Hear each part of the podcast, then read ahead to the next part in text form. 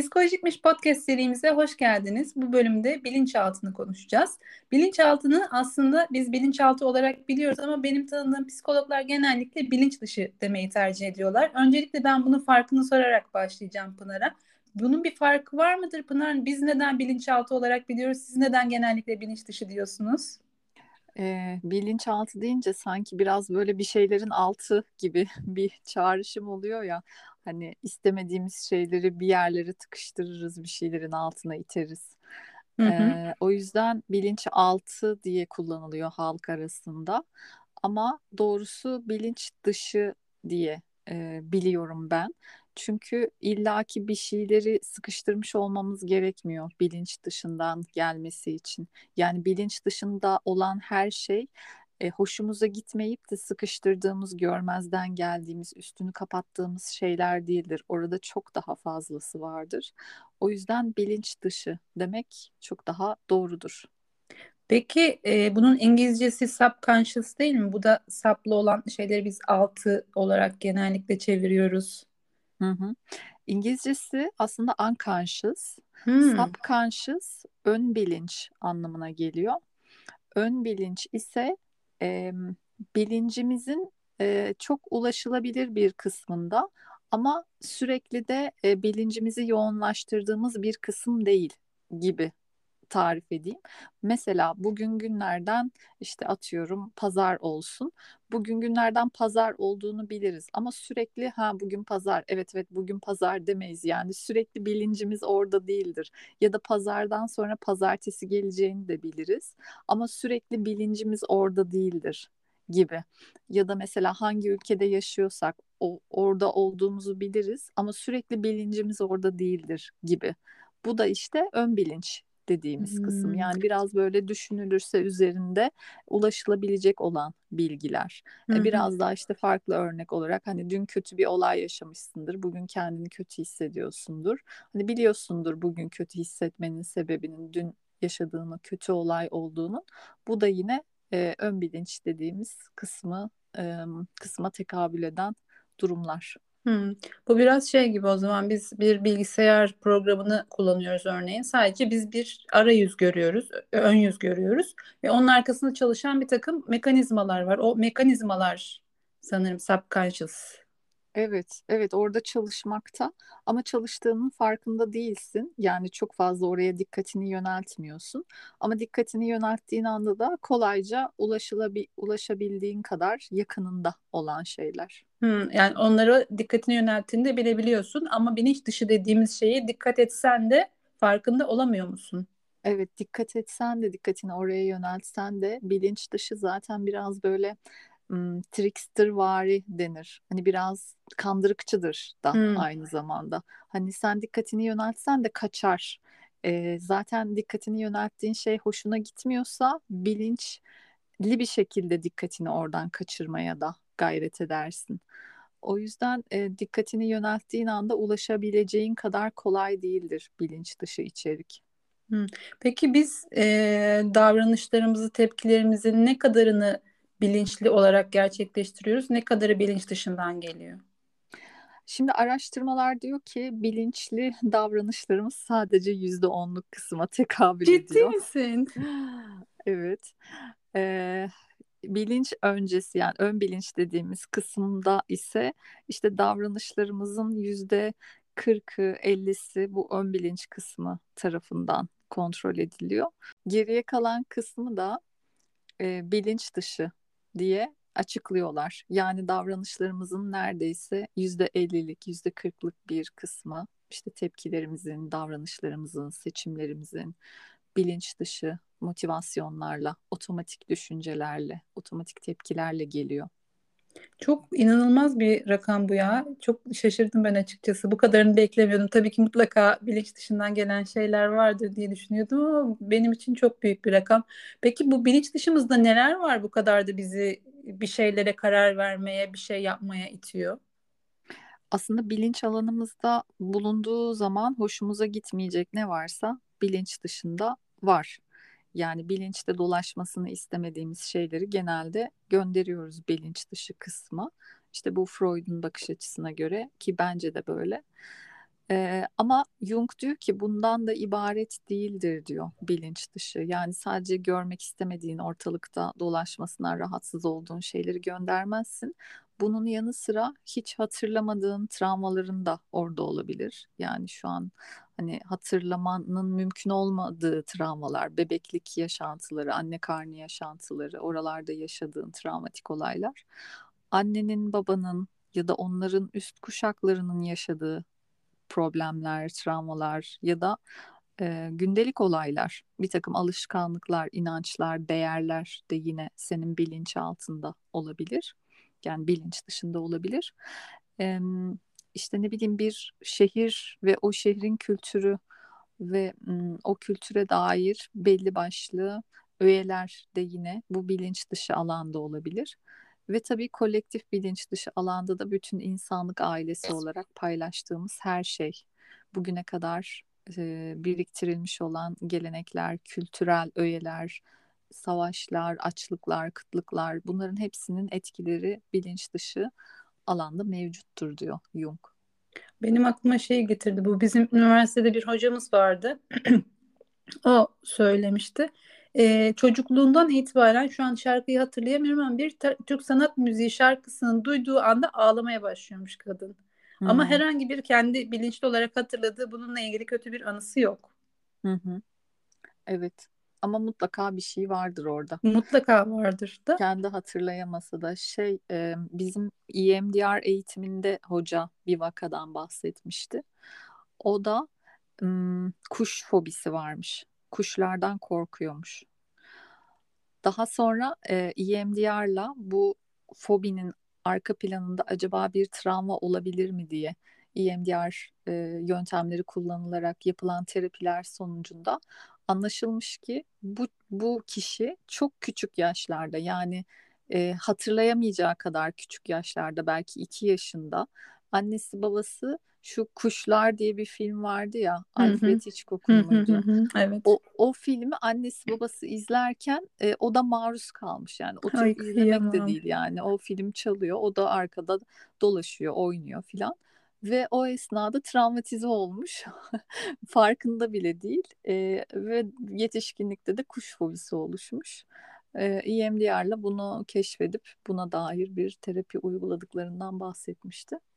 Çok enteresan. EMDR'la o zaman normalde hatırlayamadığımız anıları da hatırlayabiliyor muyuz? Kesinlikle hatırlayabiliyoruz. Hı hı. Hatta e, o anının mesela bir anıyı hatırlıyorsun e, ama onu EMDR'la çalışmaya başladığımızda hatırladığından çok daha fazlasını bile hatırlayabiliyorsun. Hmm. Daha detaylar geliyor. O an ne düşünmüştün, ne hissetmiştin, e, hiç o an e, yani anıyı normalde düşündüğünde hiç aklına bile gelmeyecek kadar çok fazla detay gelebiliyor.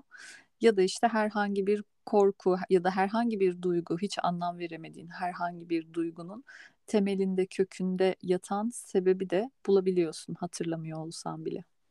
Yani hipnoz gibi bir şey mi bu? Ben mi hipnozu yanlış biliyorum? Hipnozdan farklı çünkü hipnozda seni bir transa sokuyor ee, ve daha çok e, hipnozu yapan kişi aktif bir rol oynuyor hipnozda. Özellikle transa sokma aşamasında. Ama EMDR'da daha çok danışan aktif rol oynuyor ve bir trans halinde değil tamamen bilinçli farkındalık anında. Hipnozun EMDR'dan farkı o bilinçli farkındalığın oluşturduğu direnci ortadan kaldırabilmek için kişiyi bir e, trans moduna sokarsın. E, yani böyle beynin işte alfa frekansı, beta frekansı, te, teta frekansı diye farklı dalgaları var ya. Hı hı. E, hipnozda e, hani hipnoz yapmaya eğitimli kişi e, insanların nasıl bu frekansları geçebileceği konusunda bilgilidir, donanımlıdır ve bir takım yönergelerle kişiyi alfaya sokar önce, sonra biraz daha derinleştirir transı ve teta'ya sokar ve buralarda bir takım telkinler verir ya da o kişinin yaşadığı bir olayı hatırlaması için ona yardımcı olmaya çalışır. Ee, ama şeyde EMDR'da durum biraz daha farklı. Çok fazla bilinçli ve farkındalık durumunda oluyor danışan. Tabii ki biz yönlendiriyoruz, bir takım yönergeler veriyoruz ama o daha çok kendi kendine çalışıyor malzemeyi. Hmm, çok enteresan. Ee, peki hipnozun biraz daha tehlikeli gibi geldi söylediğin şeylerden bana. Hani yanlış uygulanırsa kötü şeylere neden olabilir gibi. Öyle bir Hı şey var mı? Ee, yanlış uygulanırsa tabii yani orada da vereceğin telkinleri biraz daha açık olduğu için bilinç dışı ya da işte direnç olmadığı için bilinçli farkındalığın oluşturduğu direnç olmadığı için tabii ki e, daha istenmeyen sonuçlara götürebilir. Ama şu var, şimdi klinik hipnozda danışanla birlikte karar verilir. Hangi konu üzerinde nasıl çalışılmak istediği bir güven ilişkisi kurulur. Ondan sonra hipnoza geçilir. Yani hani ben geldim, hani ilk defa geldim, sen de hipnoz yapıyorsun, hadi beni uyut bakalım gibi bir şey olmuyor. Olmuyor Ee, mu? yok. Çünkü ben bir tane YouTube videosunda şey görmüştüm. Hipnozla sigarayı bıraktırma yöntemi. Gidiyorsun direkt seni hipnoz ediyor ve sigarayı bırakıyorsun sözde. Bilmiyorum ne kadar işe yarıyor da. Hı hı. Yani öyle spesifik konulara yönelik çalışanlar var. Zaten orada amaç belli. Hadi e, şey yapalım, sigarayı bırakalım şeklinde. Hmm, gidiyor zaten Ee, ve bir terapötik ittifak hızlıca kuruluyor anladığım kadarıyla. Hmm. Öyle bir uygulama yapılıyor. Hmm, yani sadece sigaraya yönelik ya da X e, davranışa yönelik hipnoz çalışanlar da var. Evet, nasıl sonuçlar çıkıyor bilmiyorum Ben açıkçası. de bilmiyorum. Sadece ben uygulandığını görmüştüm ama devamı konusunda bir fikrim, hı. bilgim yok. O yüzden insanları da yanlış yönlendirmiş olmayalım burada. Yani ben hipnozu çok fazla kullanmıyorum. Türkiye'deyken eğitimini almıştım ama EMDR çok daha etkili geliyor bana. Çok daha pratik geliyor. Daha çok EMDR'ı kullanıyorum o yüzden. Türkiye'deyken hipnozu da kullanmıştım. Ee, ama dediğim gibi EMDR daha pratik geldiği için daha çok EMDR'cıyım. EMDR'da EMDR'a hazırlık kısmında bir güvenli yer egzersizi yapılır danışanla güvenli yerde de böyle hani adı üstünde kendini rahat, huzurlu, güvende hissettiğin bir Hı yer hayal hı. ettiriyoruz. hı. O kısımda bile yani sadece pozitif bir şey çalışmaya uğraşırken bile bir takım travmalarıyla temasa geçen tamamen spontan bir şekilde insanlar var ki yani e, o yüzden hani tek seansta sigarayı bırakalım diye gittiğin bir yerde de bir travmanın tetiklenme ihtimali var. O Yani yüzden o yüzden biraz şey geliyor bana. Hani böyle tek seanslı çözümler biraz tehlikeli geliyor. ya ben dürüst olmam gerekirse öyle şeyler bana kere silkeleme gibi geliyor. Yani senden duydum ama hala şüphelerim var. Öyle bir şey mümkün mü? Yoksa insanların sadece parasını almak için uydurulmuş bir yöntem mi? Hı hı. Yani sigarayı bırakma konusunda çalıştığım vakalar oldu benim Türkiye'deyken hipnozla. Ee, ama orada daha önce bildiğim, tanıdığım bir danışandı zaten. İşte sadece sigara ile ilgili hadi bugün de bunu çalışalım diye niyetlendiğimiz bir çalışmaydı. Evet hakikaten birkaç seans uyguladıktan sonra e, sigaraya karşı bir antipati oluşuyor. Hatta işte seanstan çıktıktan sonra sigara yakıp denemek istemiş danışan. Ama e, müthiş bir mide bulantısı hissetmiş mesela. Hemen söndürüp atmış. Hani biraz daha bunun üzerine gitseydik, e, evet orada da güzel bir neticeye ulaşacaktık. Ama birkaç seanstan bahsediyorsun. Tek seans değil sonuçta. Aynen. Belki adamlar bu konuda uzmanlaştığı için artık seri üretime bağlamışlardır. Bile, bilemiyorum olabilir. Neden olmasın? Şimdi günahlarını da almayalım. Belki de işe yarıyordur. Olabilir. Olabilir. Bir de şey var tabii benim ku- kullandığım hipnoz biçiminde hani öncesinde bir gevşetme egzersizi yaptırıyorsun. Zaten 20 dakika o sürüyor neredeyse. Derin bedensel gevşeme yaptırıyorsun. Sonra işte telkinleri veriyorsun. Bir 10-15 dakika o sürüyor. Sonra hipnozdan çıkmaya hazırlıyorsun filan derken böyle bir saati alan bir çalışma yaptırıyorum ben. Ee, belki adamlar böyle 10 dakikada 15 dakikada hızlı hipnoz teknikleri filan kullanıyor da olabilirler Bilemiyorum olabilir. Hani böyle sahne hipnozları var ya öyle şeyler de Hı hı. yapıyor olabilirler. Hani ben böyle çok giriş dersi aldığım için hipnozla ilgili böyle hipnozun klinik uygulamalarıyla ilgili e, yani böyle hani şey 101 gibi bir şey almıştım hı. ve o da benim işime yarıyordu.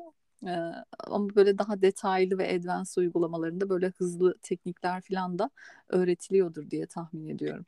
Ya yine de sigarayı bırakmak için gidersin. Adam seni hipnoz eder. Seni gidip birini öldürtür. İnsanın başına türlü türlü şeyler gelebilir Pınar. Böbreğini sattırdım. Neden, neden olmasın? Böbreğini satarsın gider parayı adamın masasına koyarsın kendi isteğinle. Ya işte böyle şeylerin olması için o gelen kişinin de bu tarz telkinlere telkinleri almaya açık olması gerekiyor. zaten böyle bir altyapısının olması gerekiyor. Hiç böyle hmm. bir altyapısı olmayan birine bu telkinleri veremiyorsun zaten. Versen de çalışmıyor diye öğrenmiştim ben. Ya bak şimdi böbrek böbrek deyince aklıma geldi bunlar. İnsanları tarikatlara böyle böyle çekiyor olabilirler mi? Tabii tabii tabii kesinlikle yapılıyor. Tarikatlarda bu beyin beyin yıkama tekniklerinden e, birçoğu kullanılıyor. Hmm, çok enteresan. Büyük resmi gördüm şu anda kendi kendime. evet. Bir de bilinç dışı deyince aklıma gelen şeylerden bir tanesi de benim rüyalar. Hı hı. Doğrudur değil mi? Yani bilinç dışıyla çok bağlantılı rüyalar. Aynen bilinç dışıyla temasa geçmemizin yöntemlerinden bir tanesi de rüyalar. Hatta Jung şöyle söyler.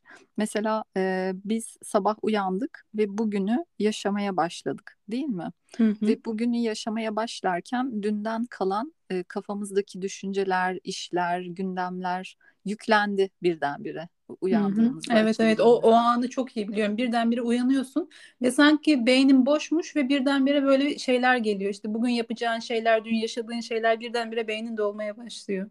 Aynen ve bu bilinçli e, farkındalığın var olduğu bir durum, uyanıklık hali ve Jung da diyor ki bunun aynısı uykuda neden aynı şekilde devam etmesin? Yani dün gece senin bilinç dışında olup bitenler bu gece uyuduğunda yine kaldığı yerden devam ediyor belki de.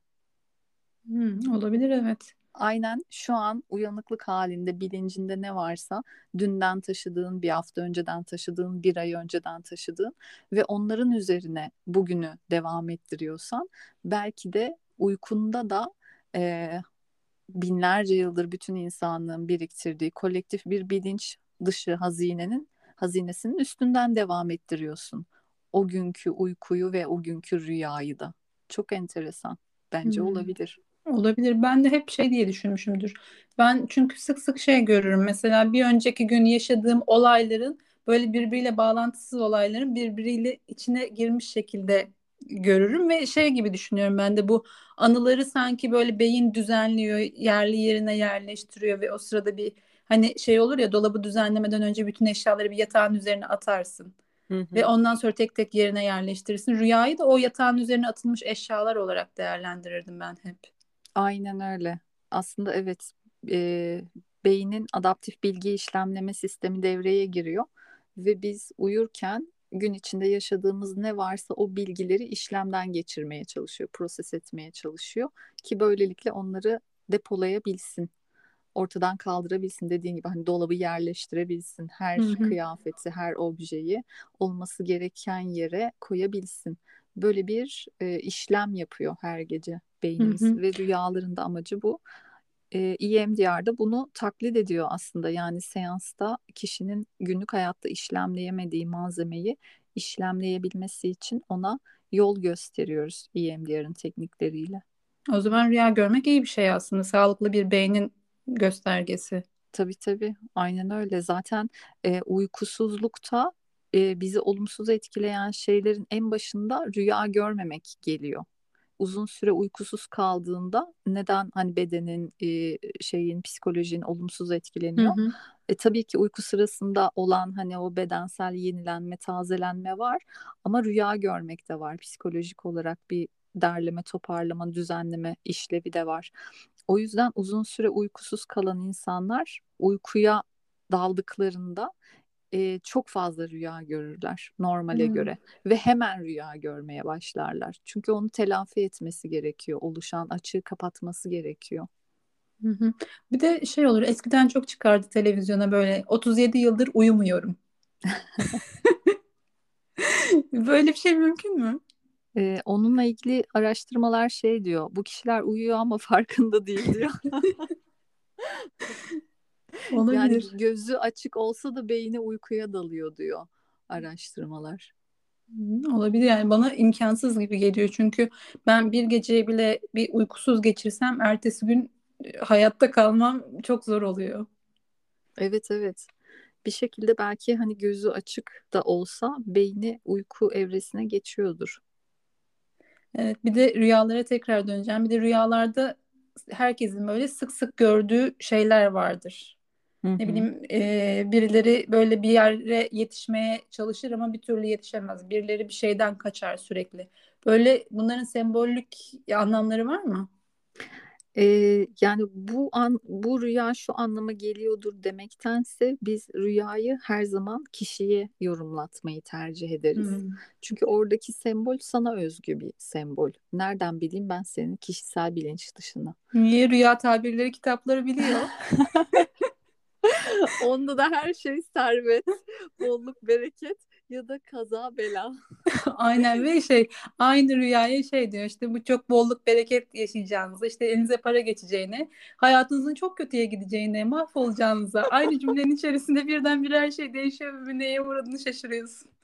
Aynen öyle. Zaten de iki tane farklı şey sunuyor sana. Ya bolluk bereket ya kaza bela ya da kaza beladan korunma. O yüzden yok maalesef öyle bir genel geçer e, sözlük yok. Ee, var tabii böyle üretilmiş sözlükler de var ama onların senin için geçerli olacağının yüzde yüz garantisi yok. En temizi senin kendi rüyalarını kendin yorumlamayı öğrenmen. Peki rüyalar hep böyle e, geçmişimizde yaşadığımız şeylerle mi ilgilidir yoksa geleceğe yönelik mesajlar verir mi? Jung'a göre verir. Ama e, birçok insan da bunu hani çağdaşı olan işte psikoloji bilimi üzerine çalışan araştırma yapan insanlar da bunu e, işte bu safsatı olarak değerlendirmiş. Yok öyle şey, olmaz öyle şey demişler. Ama ben kişisel deneyimlerle de e, bunu yaşamış biri olarak geleceğe e, dair bir takım ipuçları verdiğini çoğu kez deneyimledim e, benim etrafımdaki insanlar, danışanlarım da hani bunu doğrulayan hikayeler paylaştılar benimle kendi deneyimlerinden. O yüzden ben bunun olabildiğini düşünüyorum. Bu konuda Jung'la aynı fikirdeyim. Peki verebileceğin örnek var mı senin başına gelenlerden ya da etrafından duyduklarından? Ee, benim sembolojisini hani rüyalarımın kendi rüyalarımın sembolojisini e, çözümledim biraz biraz. Bu kadar zamandır uğraştıkça bunlarla. Hı hı. Ve belli semboller var mesela. Onları gördüğümde ne olacağı aşağı yukarı bellidir benim açımdan. Ama yapacak bir şey de yoktur yani. Hani e, ya şöyle bir şey olacak ama derim hani aman olursa olsun artık derim. Hani önüne geçmeye de çalışmam. Çünkü önüne Hı-hı. geçilmesinin anlamsız olduğuna da inanıyorum bir yandan. Ee, mesela işte şeyi görmüştüm daha önce eşimin e, amcasının vefat edeceğini görmüştüm ama çok sembolik bir biçimde görmüştüm. E, eşimin amcası o dönem Azerbaycan'da çalışıyordu, bir iş yapıyorlardı. Hı hı. E, rüyamda e, bir grup arkadaş e, şeye gitmiştik, bir deniz kenarına gitmiştik. Ve birdenbire deniz köpürmeye, kabarmaya, taşmaya başladı. Böyle çamur yani sahildeki kumla birlikte çamur haline geldi ve gökyüzüne doğru böyle bir e, fışkırmaya başladı. Hı hı. Ve biz de arkadaşlar olarak o deniz kenarında oturan kişiler olarak çok korktuk. Hani bu bir felaket olmalı filan diye koşarak oradan uzaklaşmaya çalışıyoruz. Bir yandan da şey diyorum ben bunun deniz olduğu söyleniyor ama aslında bu bir göldür diyorum. Ee, biliyor musun deniz olduğu söylenen ama aslında göl olan şey. O şey Hazar Denizi. Aynen. Aynen. E, ve eşimin amcası da Bakü'de e, yaşarken, çalışırken e, birkaç gün sonra onun ölüm haberini aldık. Hmm. E, ve bu tarz rüyalar böyle içinde çamur olan işte böyle hani dehşet yaratan, korku veren şeyler olan rüyalar genelde e, benim hikayemde daha sonrasında ölüm getiren rüyalar oluyor ya da kötü haberler getiren rüyalar oluyor.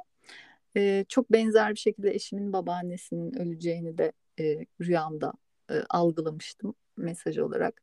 Kendi anneannemi de aynı şekilde. Peki bunu ee, gördüğün zaman yani direkt sonuçta tamam ölüm ama belli hı. bir kişinin ölümü olarak yorumlayabiliyor musun? Ha, bu ölecek gibi.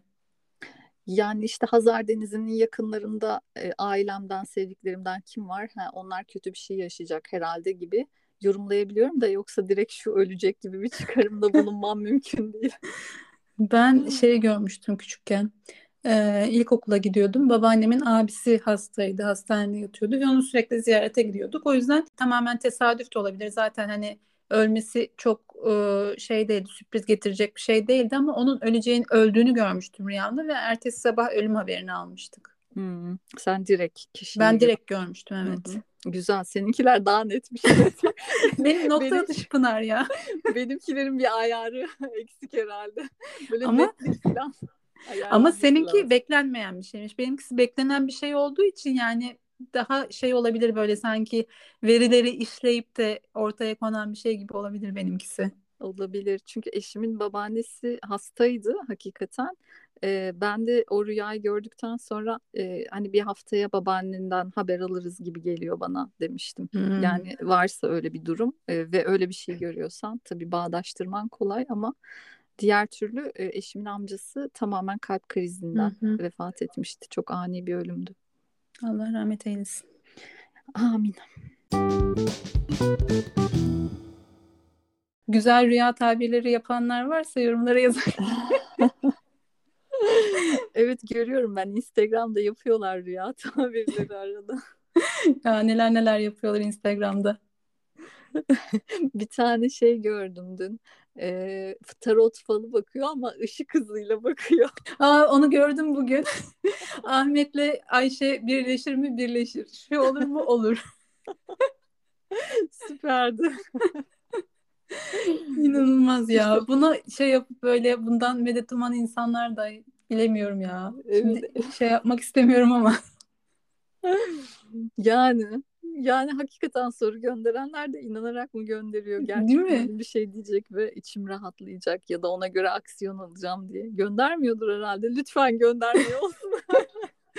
Yani tamam bir kısmı trollüyor olabilir de bir kısmı mutlaka bence şey için gönderiyordur. Medet umduğu için gönderiyordur. Neyse ya eş zamanlılık ilkesi çalışıyor aslında bu tür şeylerde. Hani kalbinden bir soru geçirirsin, Hı hı. merak ettiğin bir şey vardır, bir kart çekersin filan ya da bir kitabı açarsın, bir cümle okursun filan. Ee, ama tabii burada şey de çalışması gerekiyor. Hmm, Bilinçli farkındalık da çalışması gerekiyor. Sadece eş zamanlılığa bir şeyleri bırakmak da sağlıklı değil. Tabii ki.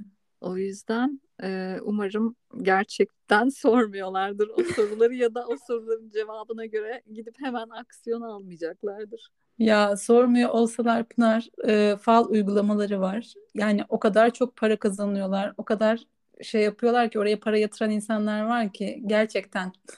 Evet. Ben de çok meraklıyım bu fal işlerine. Çok da baktırmışlığım da vardır. Ee, burada bir algıda seçicilik söz konusu. Benim tespitim. Nasıl yani? Mesela 10 tane şey söylüyor, 5 tanesi tutuyor, 5 tanesi tutmuyor aslında. Ama Hmm. sen tutanların üzerine odaklandığın için, aa işte falcıya gittim bana şunları şunları söyledi, çıktı diyorsun. Bunu Hmm. arkadaşlarına da böyle anlatıyorsun. Ondan sonra kendine de böyle anlatıyorsun ve böyle inandırıyorsun. O yüzden sanki fal e, gerçekten sana geleceğe dair bilgiler verebilirmiş gibi bir algı yaratıyorsun. Ama aslında vermiyor yani yanlış e, tahminlerde de bulunuyor fal Hı bakan hı. kişiler ama onların üzerinde hiç durulmuyor. Ne falı bakan kişi duruyor ne sen duruyorsun ve anlatıyorsun. E, zaten de unutuyorsun çoğunu. Yani Çıkan, evet. çıkanları hatırlıyorsun. Evet. O yüzden e, ben de hani kişisel deneyimim üzerinden bunları söyleyebilirim. Ya ben e, kendim bir dönem fal bakmış bir insanım. Güzel de fal bakarım. Evet. Bir kere bakmıştım bana hatırlıyorum. Fal, fal bakmak biraz pratik iş yani üst üste üst üste yaptığın zaman çok daha iyi bakabilmeye, yorumlamaya başlıyorsun. Bıraktığın zaman yani şu an tekrar birine fal baksam o kadar iyi bakamam açıkçası. Hı hı. Ama yani kendim de fal bakmış olmama rağmen gidip de bir fal uygulamasına para verip de fal baktırmam yani oradan medet ummam. Hı hı. Yani denk gelir bir yerde derler ki işte Ayşe Bacı da çok iyi fal bakıyormuş. Gider merak ettiğim için bakarım nasıl bir şeymiş diye de Hı hı. gidip de Ayşe Bacı'nın dediği şeylerin olmasını beklemem açıkçası. hı. Ama ya oluyorsa? Yani oluyorsa da yapacak bir şey yok yani. Şaşırırım maşallah derim. İnsanlar denemişler demek ki. Ya ama inanmışlar. şey benim bir arkadaşım işte o fal uygulamalarından birine iş yapıyordu freelance olarak. Hı hı. Günde oraya bin lira para yatıran insan varmış her gün. Hı. Farklı farklı falcılara fal baktırıyor. İşte bağımlılık. Ya inanılmaz bir şey. Yani hayatında belli bir olay vardır. Onun çözümü aşağı yukarı bellidir ya da çözülmeyeceği aşağı yukarı bellidir. Fal baktırarak bunu değiştiremezsin yani. Aynen. Bağımlılık yaratıyorlar işte. Kendi özgür iradelerini başka bir şeye teslim ediyorlar. Bu bazen bir partner oluyor, bazen bir fal uygulaması oluyor ya da bazen bağımlılık yaratan başka bir madde oluyor. Yani evet. Ya bu arada bin lira da bunun 3-4 sene öncesinin bin lirası, günümüzün bin lirası değil yani gerçekten çok büyük para. Yani oraya para yatıracağına insan gitse mesela e, bir psikologla görüşmeye başlasa, terapisine Hı-hı. başlasa, Hı-hı. kararlarını daha e, şey verse böyle bilerek verse ya da birileri ona karar vermesi için birilerinin ona karar vermesi için bir şey söylemesini beklemese kendi kendine karar alabilir bir insan haline gelse çok daha iyi olmaz mı? Olur olur kesinlikle olur. Bu arada bu fal meseleleriyle ilgili şunu da söyleyeyim. Şimdi e, fal bakan kişiler, falcılar ya da medyumlar e, sanki böyle kolektif bilinç dışında bilgi çekme becerileri olan kişiler oluyor. Yani aslında sen o kişi yani o falcıya sorduğun sorunun cevabına sen de ulaşabilirsin. ee, eğer bilinç dışına e, yüzünü çevirebilecek kadar cesaretin varsa, işte semboloji dilini öğrenmeye niyetliysen, kendi bilinç dışında çalışmaya istekliysen, açıklıysa, açıksan ve e, işte bu konularla ilgili çalışan terapistlerden danışmanlık alıyorsan öğrenebilirsin. Ama işte bunu yapmak yerine bir falcıdan hani bunu yaptığını iddia eden birinden danışmanlık alıyorsun. Ona sorunu soruyorsun ve onun senin için kolektif bilinç dışından bilgi getirmesini istiyorsun. E, ve kolektifin ya da bilinç dışının genel olarak trickstervari bir doğası vardır. Yani kandırıkçıdır aslında. Bazen doğruyu söyler, bazen de seni yanlış yönlendirir. Yanlış yönlendirir ki sen o yanlışı deneyimle, hata yap ve hatalarının kefaretini öde, telafisini gerçekleştir. Seni sınava da çekebilir yani. Hı hı. O yüzden de e, hani fal dediğimiz şeyde hani dedim ya 10 tane şey söylüyor, 5'i doğru, 5'i yanlış çıkıyor. Hani bazen doğrumuş gibi bir şeyler geliyor, bazen de hiç alakasız şeyler geliyor. Ya da şu da işin içine giriyor. Sen o söylediği için acaba seçimlerini taraflı yapıyor olabilir misin? Hani bir şekilde seni e, kendi kendini doğrulayan kehanet dediğimiz şey e, zihnine ektiği düşünce tohumlarıyla yönlendiriyor olabilir mi? Yani mutlaka etkisi vardır bence. Bir de bu var. Evet bir nevi hipnoz oluyorsun orada. Hani hı hı. bütün savunmalarını indirip bütün dirençlerini bir kenara bırakıp hani söyle diyorsun. Hani yani evet. Ne olacak bu işin sonu? Ya bir de sen çok e, şey veriyorsun ideal bir örnek veriyorsun. Bir falcı tamam kolektif bilinç dışından bilgi çekip sana söyleyebilir ama günde 20 kişiye fal bakan bir e, kafe falcısı kolektif dışını bu şey kolektif bilinç dışını bu kadar sağamaz diye tahmin yok, ediyorum. Yok yok çorba oluyor zaten orada bütün kolektif falan. Herkesinki birbirine karışıyor. Hani paralarınızı böyle yerlere kaptırmayın arkadaşlar. Tamam arada gidip bir deneyim yaşamak için bir şeyler fal baktırabilirsiniz, işte tarot açtırabilirsiniz, bir şey yaptırabilirsiniz de kararlarınızı da buna göre vermeyin yani. Aynen yani işin özü kendi özgür iradenizi kimseye kesinlikle. teslim etmeyin. Kesinlikle kesinlikle. Peki bilinç dışı ile ilgili başka e, neler söyleyebilirsin bize? E, bilinç dışı ile ilgili şu kelime çağrışım testleri benim çok dikkatimi çekiyor. Özellikle bu direnç mekanizmasını keşfetmek üzerine de güzel bir deney bu. E, Freud ve Jung'un zamanında yaptığı çalışmalar bunlar. E, Freud'un tekniğinde biraz şey var. Sana kelimeler verip onun üzerine serbest çağrışım yapmanı isteme şeklinde bir çalışması var. Bu pek bir yere götürmüyor. Çünkü e, ego çok güzel bizi e, şey yapabiliyor, oyalayabiliyor. Mesela işte anneden yola çıkarak bir sürü çağrışım yapabilirsin ve hiç ummadığın bambaşka bir yerde noktalayabilirsin çağrışımlarını.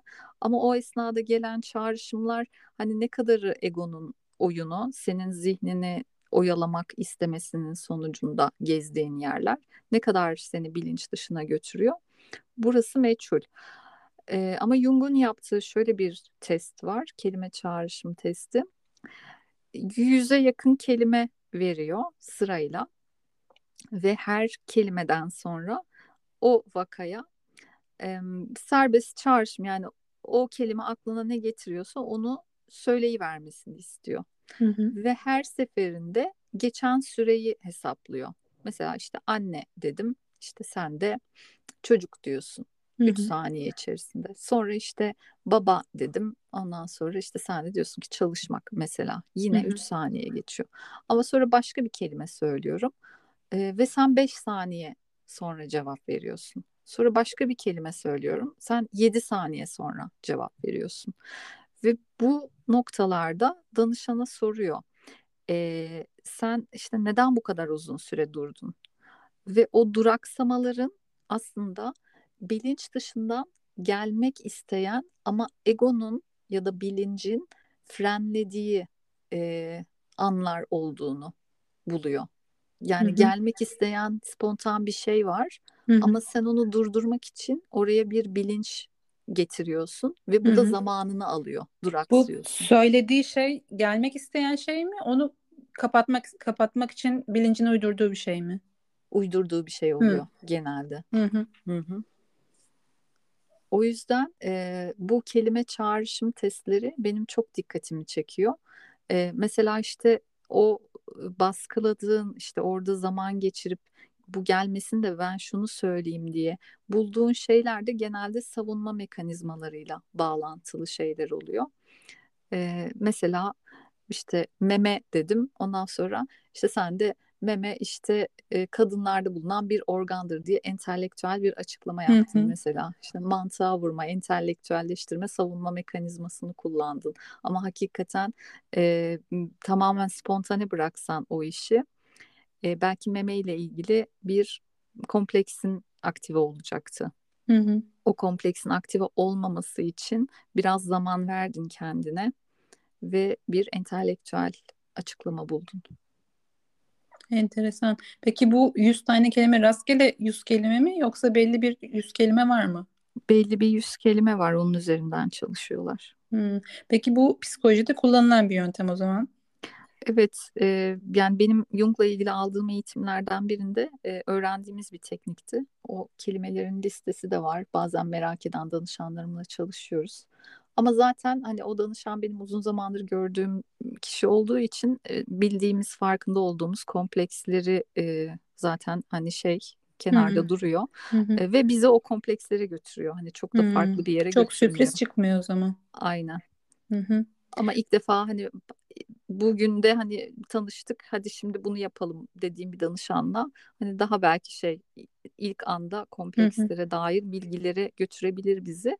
Ama tabii ki bu da terapötik ittifak açısından yaralayıcı bir şey. Hani ilk gördüğün insana şak şak şak tokat atar gibi sen de şöylesin sen de böylesin. yani olmuyor.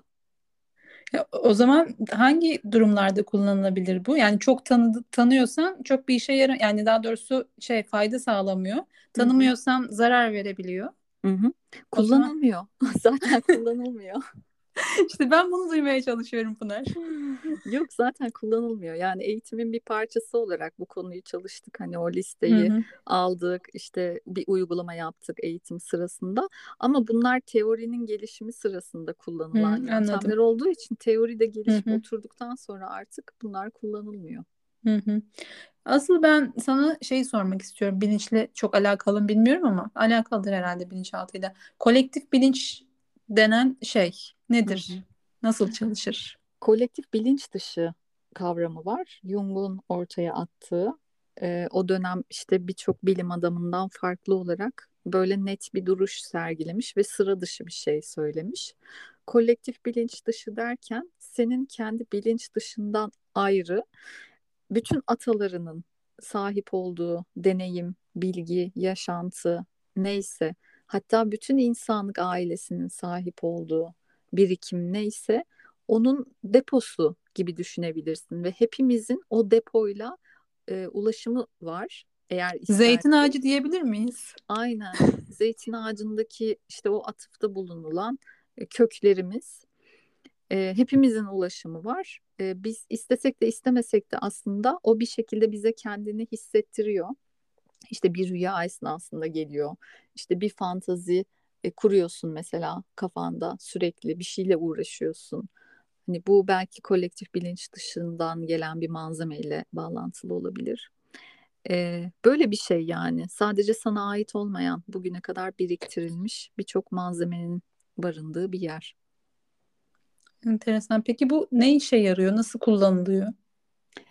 Hmm, aslında yaratıcılığı çok besliyor bilinç dışı malzeme. Hmm. Her anlamda yaratıcılığı, sanatsal yaratıcılığı da besliyor. Senin e, profesyonel işin neyse o konudaki yaratıcılığı da çok besliyor. Hmm, yaşam enerjisi veriyor bir taraftan. Böyle bir idrak edersin bir şeylere, aa evet dersin falan böyle o an çok keskin görürsün her şeyi. Böyle renkler daha bir canlıdır filan. Ee, öyle anlarda aslında besleniyoruz. Hani bizde hmm. bir, şey, bir şeyler değişiyor. Yani o anı yaşamadan önceki bizle yaşadıktan sonraki biz aynı olmuyoruz. Hani o aydınlanma anları yaşarız. Onlar böyle köklerimizden mi geliyor? Evet, köklerden ve bugüne kadar biriktirmiş olduğumuz, bütün insanların biriktirmiş olduğu her şeyden geliyor. Yani bu hani mucitler filan e, birçok şeyi e, rüyasında görmüş ya da hı hı. öğlen uykusunda görmüş birçok problemin çözümünü denir ya hı hı. E, nasıl oluyor da hani üzerine düşünüyor düşünüyor bulamıyor ama sonra uykuya yattığında buluyor. Tabii ki orada bilinçli bir şekilde o problemin çözümüne dair kafa yorması çok kıymetli. E, oraya doğru rotasını çeviriyor. Ama sonra o çevirdiği rota onu bir yere götürüyor ve bilinçli olarak gitmiyor oraya uyku esnasında yani bilinç dışıyla kucaklaştığı esnada gidebiliyor oraya. Yani aradığın şey neyse aslında sana veriliyor. Yeter ki verileceğine inan. Hmm.